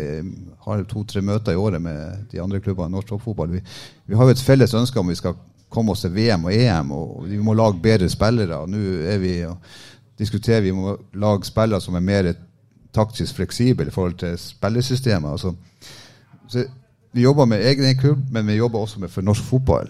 Så, eh, men vi må passe oss for at ikke det at de blir metta. At når de er 17 år, så har de vært over eh, hele Europa og spiller kamper. Ja, for Jeg registrerte at en, en sånn Kai Rooney, sønnen til Wayne Rooney, som spiller for Manchester United sitt akademilag, han er med skolen sin og spiller Gotia Cup og bor på ei skole i Göteborg. Rett og slett for å, for å gjøre ting i lag med venner og, og de rundt han. Ja, da vi, Det er bare å gå tilbake åtte år, så var jeg i Gotia Cup med Runar Hauge og han eh, Ask Kjerransen. og det, det bet- Jeg ser eh, hvor det vil hen, men når det kom de nasjonale kampene, så ble det liksom tatt bort. Det sosiale ble lagt til sides. Og det, og det diskuterer vi jo, hvordan vi skal greie å håndtere det. og men jaget og presset fra, eh, fra hele Europa og andre akademier gjør at vi, vi tør liksom ikke å slippe opp. Vi må bare prøve det. Og kanskje vi må evaluere kanskje om fem-ti år. Jeg vet ikke. Vi, var, vi er så unge. Så jeg, jeg, jeg, jeg gir ikke noen dom ennå. Vi må kanskje la noen generasjoner bare være prøvekaniner og, og prøve og feile før vi kommer over det. For det, sånn har det alltid vært. Det er alltid noen som går foran og mislykkes. Og så er det kanskje neste generasjon som kommer til å bryte igjennom. Så det- Trond, fikk du også dra til Narvik på turnering? Vi slapp ikke inn der. Det er kvalitetskontroll. Freddy, Ja, det jeg lurer litt på altså André Hansen kom fra Skjervøy til Bodø-Glimt og slo til ganske fort. Det samme gjorde Trond Fredrik Ludvigsen fra Alta. De var unge og de var lovende, og de hadde antageligvis, som Trond Olsen, spilt en del voksenfotball for Lyngen, Skjervøy, Alta. I, den fasen hvor de kunne vært på et akademi den gang, hvis det eksisterte. Så jeg tror jo at man kan gå glipp av noe av den der eh, måten unge, lovende gutter er i en voksen fotballgarderobe og blir på en måte konfirmert og blir trødd litt ned på trening og må på en måte hevde seg fysisk. For jeg lar meg fascinere av Fredrik Sjøvold sin reise, som er som 16-åring på akademiet til Rosenborg, som er like proft og like bra som Bodø-Glimt sitt. Men han som 16-åring tar valget at jeg vil heller spille voksenfotball i tredjedivisjon for Tiller, og så er han der i halvannen sesong og blir kjøpt opp av Bodø-Glimt. Så her ønsker halve Eliteserien. Halve Eliteserien. For han sier nei til akademiet til Rosenborg. Én sesong i tredjedivisjon med Tiller, og det er jo et lag Glimt 2 møter. Men- så det er noe Ja, her som men det- vi, vi må, som må er huske at vi lever i forskjellige Det er jo 40-50 år mellom de tingene her. De, de fleste på, de, som var på landslag på 90-tallet, de kom fra småplasser og spiller tidlig voksenfotball. Men det, det skjer ikke så mye. Nå, Akademiene er jo kommet, og de flytta inn til akademiene, men også bygdene og de ene lagene rundt om, også i Kabul. Og, og de, de, de dør jo litt ut, og de, de spillerne spiller jo ikke like lenge. De blir yngre og yngre i lagene. Så det, så det er litt sånn du Det kan ikke sammenlignes nå. At han, en mann, han Fredrik, kan gjøre det, så er det bare han er fornuftig nok til å finne og ta ansvar for sin egen Det det jeg sa i sted. Må ta ansvar sjøl. Og det er den viljen og det begjæret som må inn. Og så ja. må du gå videre hvis du stopper opp her. Og, I mine 30 år i Bodø så er det mange unge juniorer som kommer på så, Nei, jeg blir ikke sett, jeg får ikke sjansen. Nei, Flytt herifra, da. Du kan jo ikke stå, stå her og stå på Dakar og si at du ikke får sjansen. Du, du, du må jo Ja, ja, det, ja det var det. Jeg, på 90-tallet. jeg har ikke vært ute ikke vært ute på en stund. Men det er utrolig viktig at du, du må Hvis du ikke har en trener som ser deg, så må du flytte. Og hvis du ikke er villig til å flytte, så er det så jeg, Han sier jeg spilte i Mjøldre, men jeg var jo en flopp i Mjøldre. Jeg måtte jo rømme ned til tredjedivisjon for å spille fotball. Men Det var høyt nivå i Mjølner da, vet du. Så Nei, jeg tror, det, er jeg tror det er viktig, som jeg sier. Jeg, jeg har muligheten, så det er, du, du må finne noen som eh, har lyst til deg vel, og, gjør, og, og vil deg vel. Vi kunne sikkert ha diskutert talentutvikling i, i timevis. Ja, det, det, er, det er det jeg brenner for. Men, men Trond, du klarte jo å sette Freddy fast på en quiz i sted. Jeg tror du har en talent, en tann. En til? Jeg kan ikke jeg få gjette litt mer? Altså. Ja, det er jo, Hannes Thor Halvorsen gikk jo til Karabakh eller noe sånt. Jeg sier Russland, Babenko. Nei. Nei, vi er ikke der ennå. Nemanja Mladenovic. Fantastisk. men uh, da kan vi gå over på quiz nummer to. Ja. Kjent spiller. Spilt 70 kamper for Punic. Skåret 30 mål. Um, var der mellom 2006 og 2009. Har spilt på Aspmyra. Han skåra mot Bodø Nei, han skåra mot Bodø-Glimt. Nei, jeg tror ikke han skårte. Nei. Nei, jeg, Han har tapt to kamper på Aspmyra de siste åra. Ja, det må du ta, Stig. Jeg er ikke med i det hele tatt. Har han spilt for United òg? Ja. Det har han. Nei. Jeg greier ikke å uttale navnet, men jeg vet hvem det er. Henrik Henrik Mkhitaryan. Så det er vel Punics mest eh, kjente spiller. Men eh, Stig, eh, hvis du hadde vært La oss si du har vært 25 år nå. Du skulle ha spilt i morgen skulle du ha spilt for Bodø-Glimt mot Punic. Hva har du gjort fra og med nå til um, avspark klokka seks i morgen? Ja, eh, nei, eh, det har sikkert vært i seng i titida, og så har jeg vært oppe Klokka seks, jeg er oppe i syv, syvtida. Spist frokost, og så har jeg gått tur, og så har jeg slappa av, og så spist lunsj, og så slappa av. Så har jeg fått massasje, og så klokka fem så har jeg gått på tatt, eh, Når vi hadde sånn program, så har jeg gått på toalettet. Fem Så- først. Hæ? Fem første gang. Hva for noe? Det var klokka fem første gang du har gått på toalettet på en kamp. Ja, men da har jeg, da har jeg gjort nummer to, da. Ja, okay. Men eh, nummer én gjør jeg like før vi går ut, for da er det siste nervøse som skal gjøre. Så det har jeg gjort. Og så har jeg På, på natta så har jeg drømt litt om eh, eventuelt hva jeg skal gjøre i visse situasjoner. Stemmer det at du hadde avtale, sjekka hvor fotografene sto og hadde avtale med de når du feira skåringa? Ja det, det jeg, jeg, jeg, husker det, men det kan vel ha skjedd noen ganger. Eh, Jeg var, jeg var tidlig ute og var influenser. Men eh, Stig, altså, du nevnte, glemte jo å si at ca. fem over seks så hadde du jubla for første skåringa. Men, men hva forventer du av Glimt mot Punic i morgen? Hva, hva er du fornøyd med? Glimt leverer? Eller hva må de ha med seg til Armenia? Jeg må innrømme jeg er veldig spent, for de eh, de bortekampene til Viking og hjemmekamp mot Tromsø var litt urovekkende i forhold til formen til enkeltspillerne. Og når enkeltspillere ikke er i form, så blir det også feil i strukturen i, i det de holder på med. Så jeg håper de har fått hvile og fått uh, renska hodet. og hører, ja, det har vært prosess etter kampene og prating og prating. Ja, ja. Det, jeg har ikke, jeg har jo ikke vært med i den uh, tida som jeg har vært nå de siste fem-ti årene, med mentale trenere og psykologer. Og, nei, så det, de har jo en annen inngang til det, så jeg tenker, jeg håper jo bare at de har fått nullstilla. Men jeg tror Europa er noe spesielt. Så jeg tror spillerne som er der nå, har uh, vært med på så mange kamper i Europa at de kommer til å være uh, klare i morgen. Akkurat som de har fått en liten eliteserien. Ja, ok. Men i Europa så er det litt annet. Jeg spurte Jonas om, eh, om man klarer å miste selvtillit så fort. Du, du sleit vel aldri med det, men, men hva tenkte du om det? Selvtillit jeg, Vi diskuterer det ofte. og Jeg diskuterte sist når jeg var i Romania på U21 eller med Basma. og Jeg mener at du må være egoist først og fremst, og så lagspiller. For er du ikke egoistisk og greier å ta vare på deg sjøl, så er, greier du ikke å være lagspiller. Så Du må passe på deg sjøl. Så det er klart, han, som vi diskuterte, ja, faen, nå begynner jeg å skjønne det. Så, så du må, du må uh, Selvtillit er noe du, du får med å, å, å, å tenke godt om deg sjøl, men også være sammen med gode folk rundt deg. Og det, og det hjelper jo å være, eh, ha venner og eventuelt en partner som støtter deg 100 Og uh, selvfølgelig lagspillere og trenere, men det viktigste er kanskje de du er mest i lag med, og det, er som regel ikke som jeg brukte å si til spillerne, arbeidskollegaene. Det er som regel familie og, og venner utafor banen. Ja, du, jeg må bare spørre deg, Hvordan lada du opp til en viss eh, Det var noen eh, klubber fra England som skulle kjøpe eh, en spiller som heter Ole Martin Årst. Og dessverre for Ole Martin Årst så var kampen her på Aspmyra. Hvordan lada du opp til den kampen som Glimt-spiss?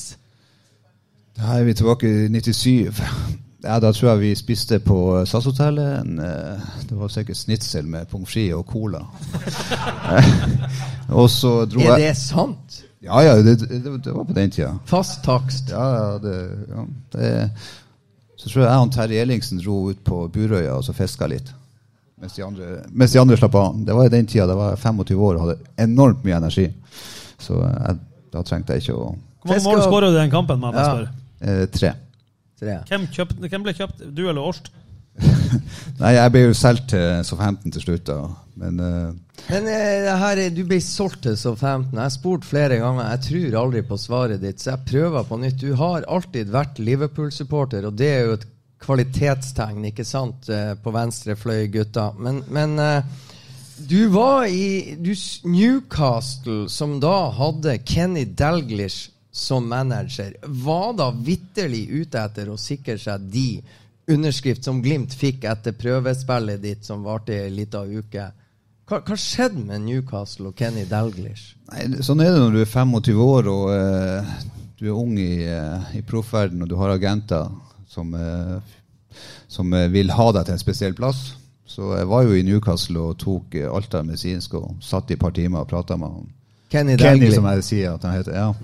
Eh, og, eh, og skulle gi svaret eh, dagen etter, for jeg skulle ned og besøke Southampton også. Så eh, det var jo et spill der han, Egil Østen sa skulle selges til Blackburn, og så ble han ikke solgt. Og så, ja, og så tenkte jeg at Southampton var en eh, litt eh, mindre klubb som eh, kanskje er bedre å, å starte der og jobbe seg opp derfra. Og Newcastle hadde han Alan Shearer, så det var klart det men det var akkurat den eh, var jo min avgjørelse. Men det blir litt eh, agenter som styrer eh, retninga i den perioden. Og det, Ha- og det lærte jeg, og det skjedde ikke etterpå.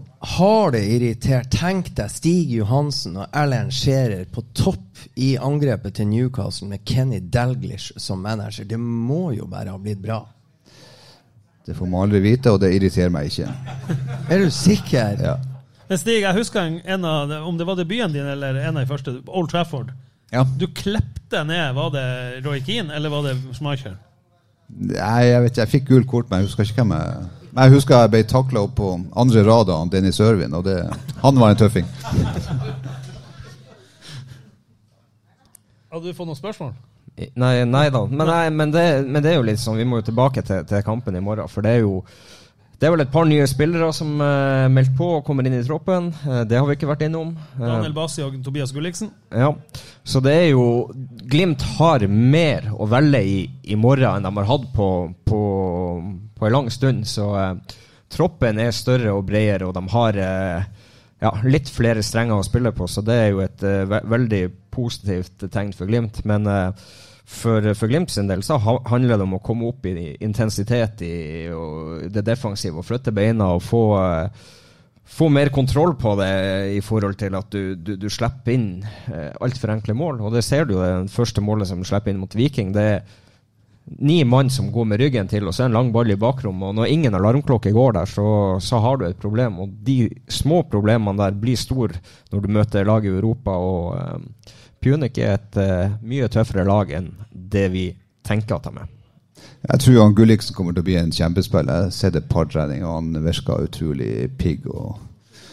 Så uh, det, det, blir veldig spennende. Så Du sier at de skal flytte beina. men jeg håper de flytter de rett. At de kommer i posisjoner der de kan stå rett og, være rett, både offensivt og defensivt. Så de, de, har det i det, men de må være mer eh, Jeg tror de må ha hodet mer på rett plass. Freddy, har du trua på at all den, det snakket som har vært, eh, og vil vi se en defensivt tryggere Glimt-utgave i morgen? Vær så snill å si ja. Ja, altså jeg tror vi får en, sånn, et helt annet kampbilde enn uh, man fikk se på Aspmyra mot Tromsø og i Stavanger mot Viking. Det blir nok litt mer uh, å minne om det Bohemians har kommet med. For altså, uh, eh, FC Punic kommer til å være forberedt på Bodø-Glimt, men de kan liksom De må på en måte smake det. De har ikke møtt denne type motspill som Jonas er inne på. Hvis Bodø-Glimt lykkes med det motspillet sitt, da, det de ønsker å få til, så blir det Kommer det til å være litt sånn annerledes rom som som eh, de fra Armenia må, må tette. Og det er som jeg sa, det er et veldig godt lag. Det er internasjonal samling, men jeg tror de skal opp mot noe de ikke har smakt på i forhold til det de møter i, i, den, i sin hjemlige serie. Og Bodø-Glimt er bedre enn Kalmar FF. Det er jeg ikke i tvil om. De har mye mer X-faktor. Du var sjøl og så Kalmar FF i Spania mot Bodø-Glimt i en kamp som endte 0-0, men det var tidlig i sesongen. På en dårlig bane. På en dårlig bane. Så jeg tror at uh, vi får et litt sånn her eh, helt annet kampbilde. Og jeg håper at Bodø-Glimt-spillerne er gode nok til å utnytte de mulighetene som kommer til å komme på Aspmyra i morgen. Jeg håper de, er, de må være dyktigere enn de var mot Bohemians, for da var det ekstremt med muligheter de ikke evner å ta. Og jeg håper de har lært, og jeg håper de tar de mulighetene bedre og grådigere i morgen. Og Åsmund var inne på det i dag når vi prata med han, at uh, de er ikke vant til kunstgress, men de er vant til at ballen går uhyre fort. Det blir spennende. Eh, Fredrik, jeg får ett spørsmål. Hva, hva, er så, hva, du, hva du tror det er grunnen til at spillerne virker som om de er litt off, at de ikke vil ha ball? Altså, Er de sliten? Vi har diskutert mye, har det vært trent for hardt? Jeg vet ikke, Stig, om du har hørt noe i korridorene om, om de har diskutert det? eller? Nei, Jeg har ikke hørt noe. Jeg, går ikke og lytter. De, de, de, av og til så kommer det jo litt dårlige perioder, så, men eh, så jeg skal bare ta en rask analyse bare se på det. så det er sånn, Mellom europacupkamper og hjemlige serier så er det et, et eller annet som skjer med spillerne. For det, det er noe spesielt å spille i Europa. European hangover er jo, er en grunn til at det er Ja, det er det. og det, Du kan gjerne si at det skal ikke være det, men det blir fort. og klart at De reiser ned til Tsjekkia og tilbake til Vik og møter et vikinglag som er ganske fysisk og ganske på. Så eh, vi blir jo ikke rundspilt. og vi som han Kjetil sa etter kampen, de hadde jo ikke noen god dag, men likevel så var det en jevn kamp. Så, eh, så jeg tror nok vi fort kan komme på et eh, veldig høyt nivå i morgen. Freddy, er det autografen du sitter og skriver, eller? Nei, jeg skriver autografen til Hans Stig. Nei, altså, jeg tror det vi har sett, er en del i spillergruppa har stått i et tøft kampprogram eh, og, og virka litt sånn der eh, småsliten. Og det er én ting er fysisk, en annen ting er mentalt. og Bodø-Glimt har snakka om at de, de, vil ha en bred og fyldig tropp. Det er, har vært enorme skadeutfordringer i Bodø-Glimt. og, og eh, Sugelli er skada, Omar er skada, Gaute Vetti trente ikke i dag. Morten Kohn har vært sånn av og på. Og jeg, jeg, har sagt det før, Ulrik Saltnes har vært ute i ni måneder. Eh, Sondre Brunstad Fet har vært ute i ett og et halvt år. Det tar litt tid. De kommer forhåpentligvis til å være jævelst mye bedre om tre måneder. Men så er det det at de må være nu og levere og stå i nuet. ikke sant? Så jeg tror typ Amahl Pellegrino har hatt godt av å stå og slippe å starte en kamp. Altså, så snakka med han Stig om det. Hadde Amahl stått over mot Tromsø, så tror jeg han skåra hat trick mot Viking. Bare fordi at han har fått lada batteriene, fått litt mer energi. Og, og, eh, så det er ett eksempel. Så jeg tror Svarene er ekstremt sammensatt, og jeg tror det er lett å, for, å, å forklare. Jonas var inne på det. Det var energiløst mot uh, Tromsø hjemme. Da var det ei sliten gruppe fysisk og mentalt. Så var det andre utfordringer som møtte dem i uh, Stavanger. Og jeg tror de har kontroll på det. Og så er Trond inne på det. Nå kommer det friskt blod inn. Daniel Bassi og, og Tobias Gulliksen er klar. Nosa Dahl må vi ta med. Nosa Dahl er også med og, og potensielt tilgjengelig. Og det er eh, sånn ny, ny, energi inn i gruppa som, som eh, spillerne trenger. For det er mange som har, stått, eh, som har stått med mye ansvar over lang tid. Hei, det, de er bare nødt til å komme seg utpå der i morgen. for eh, sånn som jeg ser det, så er de nødt til å ha med seg et godt resultat før de drar ned til Armenia. Eh, å dra dit med ja, uavgjort eller en knepen seier, det, det, kan bli tøffere enn det, det man ønsker. Så eh, i morgen eh, må Glimt være på eh, stasjonen og toget går. Stig, nå skal jeg stille Nå begynner jeg nærme oss slutt med, så stiller jeg ett spørsmål. Patrick Berg har to gule. Han må sone hvis han får et gult kort til. Hvis Glimt leder med mer enn to mål, bør Patrick Berg ta et gult kort? For å være sikker på at han spiller begge eh, playoff-kampene? Nei. Nei. Skal aldri ta et gult kort. Det kan hende at du ikke får noe kort på fem kamper. Det, det bør heller være fornuftig i duellene. Ikke, ikke, på 2-0, på, på 4-0. Eh, da kunne jeg, kunne jeg likt å se at han eh, fikk det gule kortet for å være 100 sikker på å spille de, de to playoff-kampene. Det var jo sånn vi holdt på før i tida. Tok gult kort når elgjakta begynte. Så jeg skal ikke nevne navn, da, men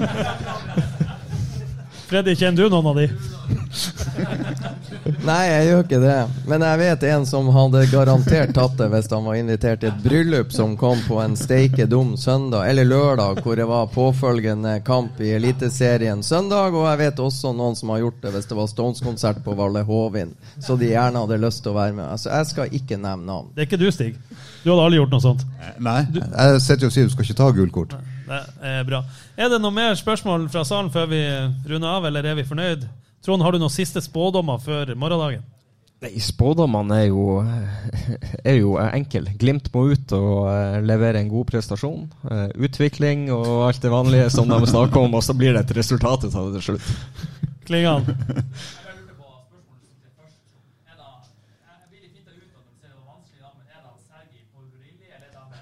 Var, var du borte når svaret kom? Nemanja Mladenovic.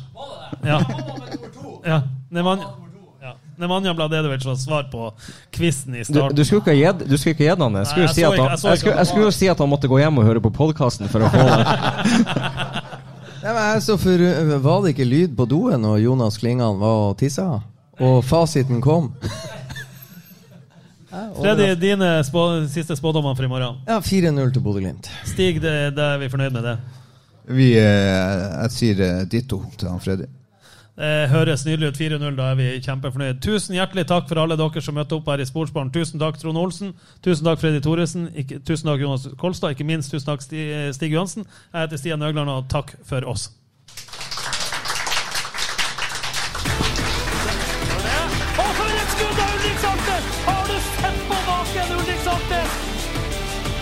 Og så er det skåring! Og så skårer Bodø-Glimt!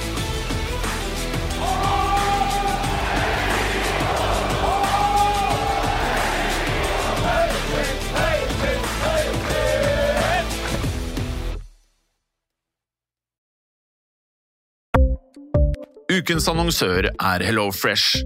HelloFresh er verdens ledende matkasseleverandør og kan være redningen i en travel hverdag. Mange av oss har nok vandret i butikken både sultne og uten en plan for middagen, som ender med at vi går for de samme kjedelige rettene gang på gang.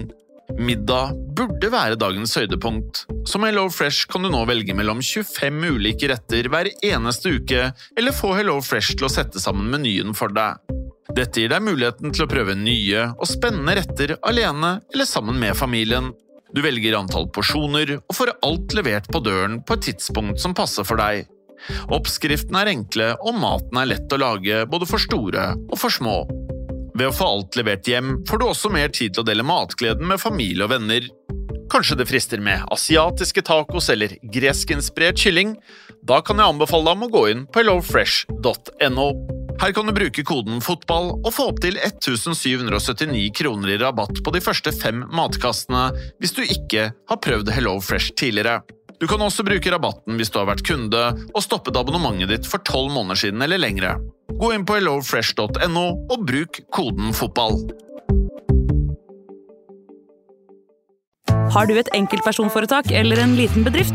Da er du sikkert lei av å høre meg snakke om hvor enkelt det er med kvitteringer og bilag i fiken, så vi eh, gir oss her, vi. Fordi vi liker enkelt. Fiken superenkelt regnskap.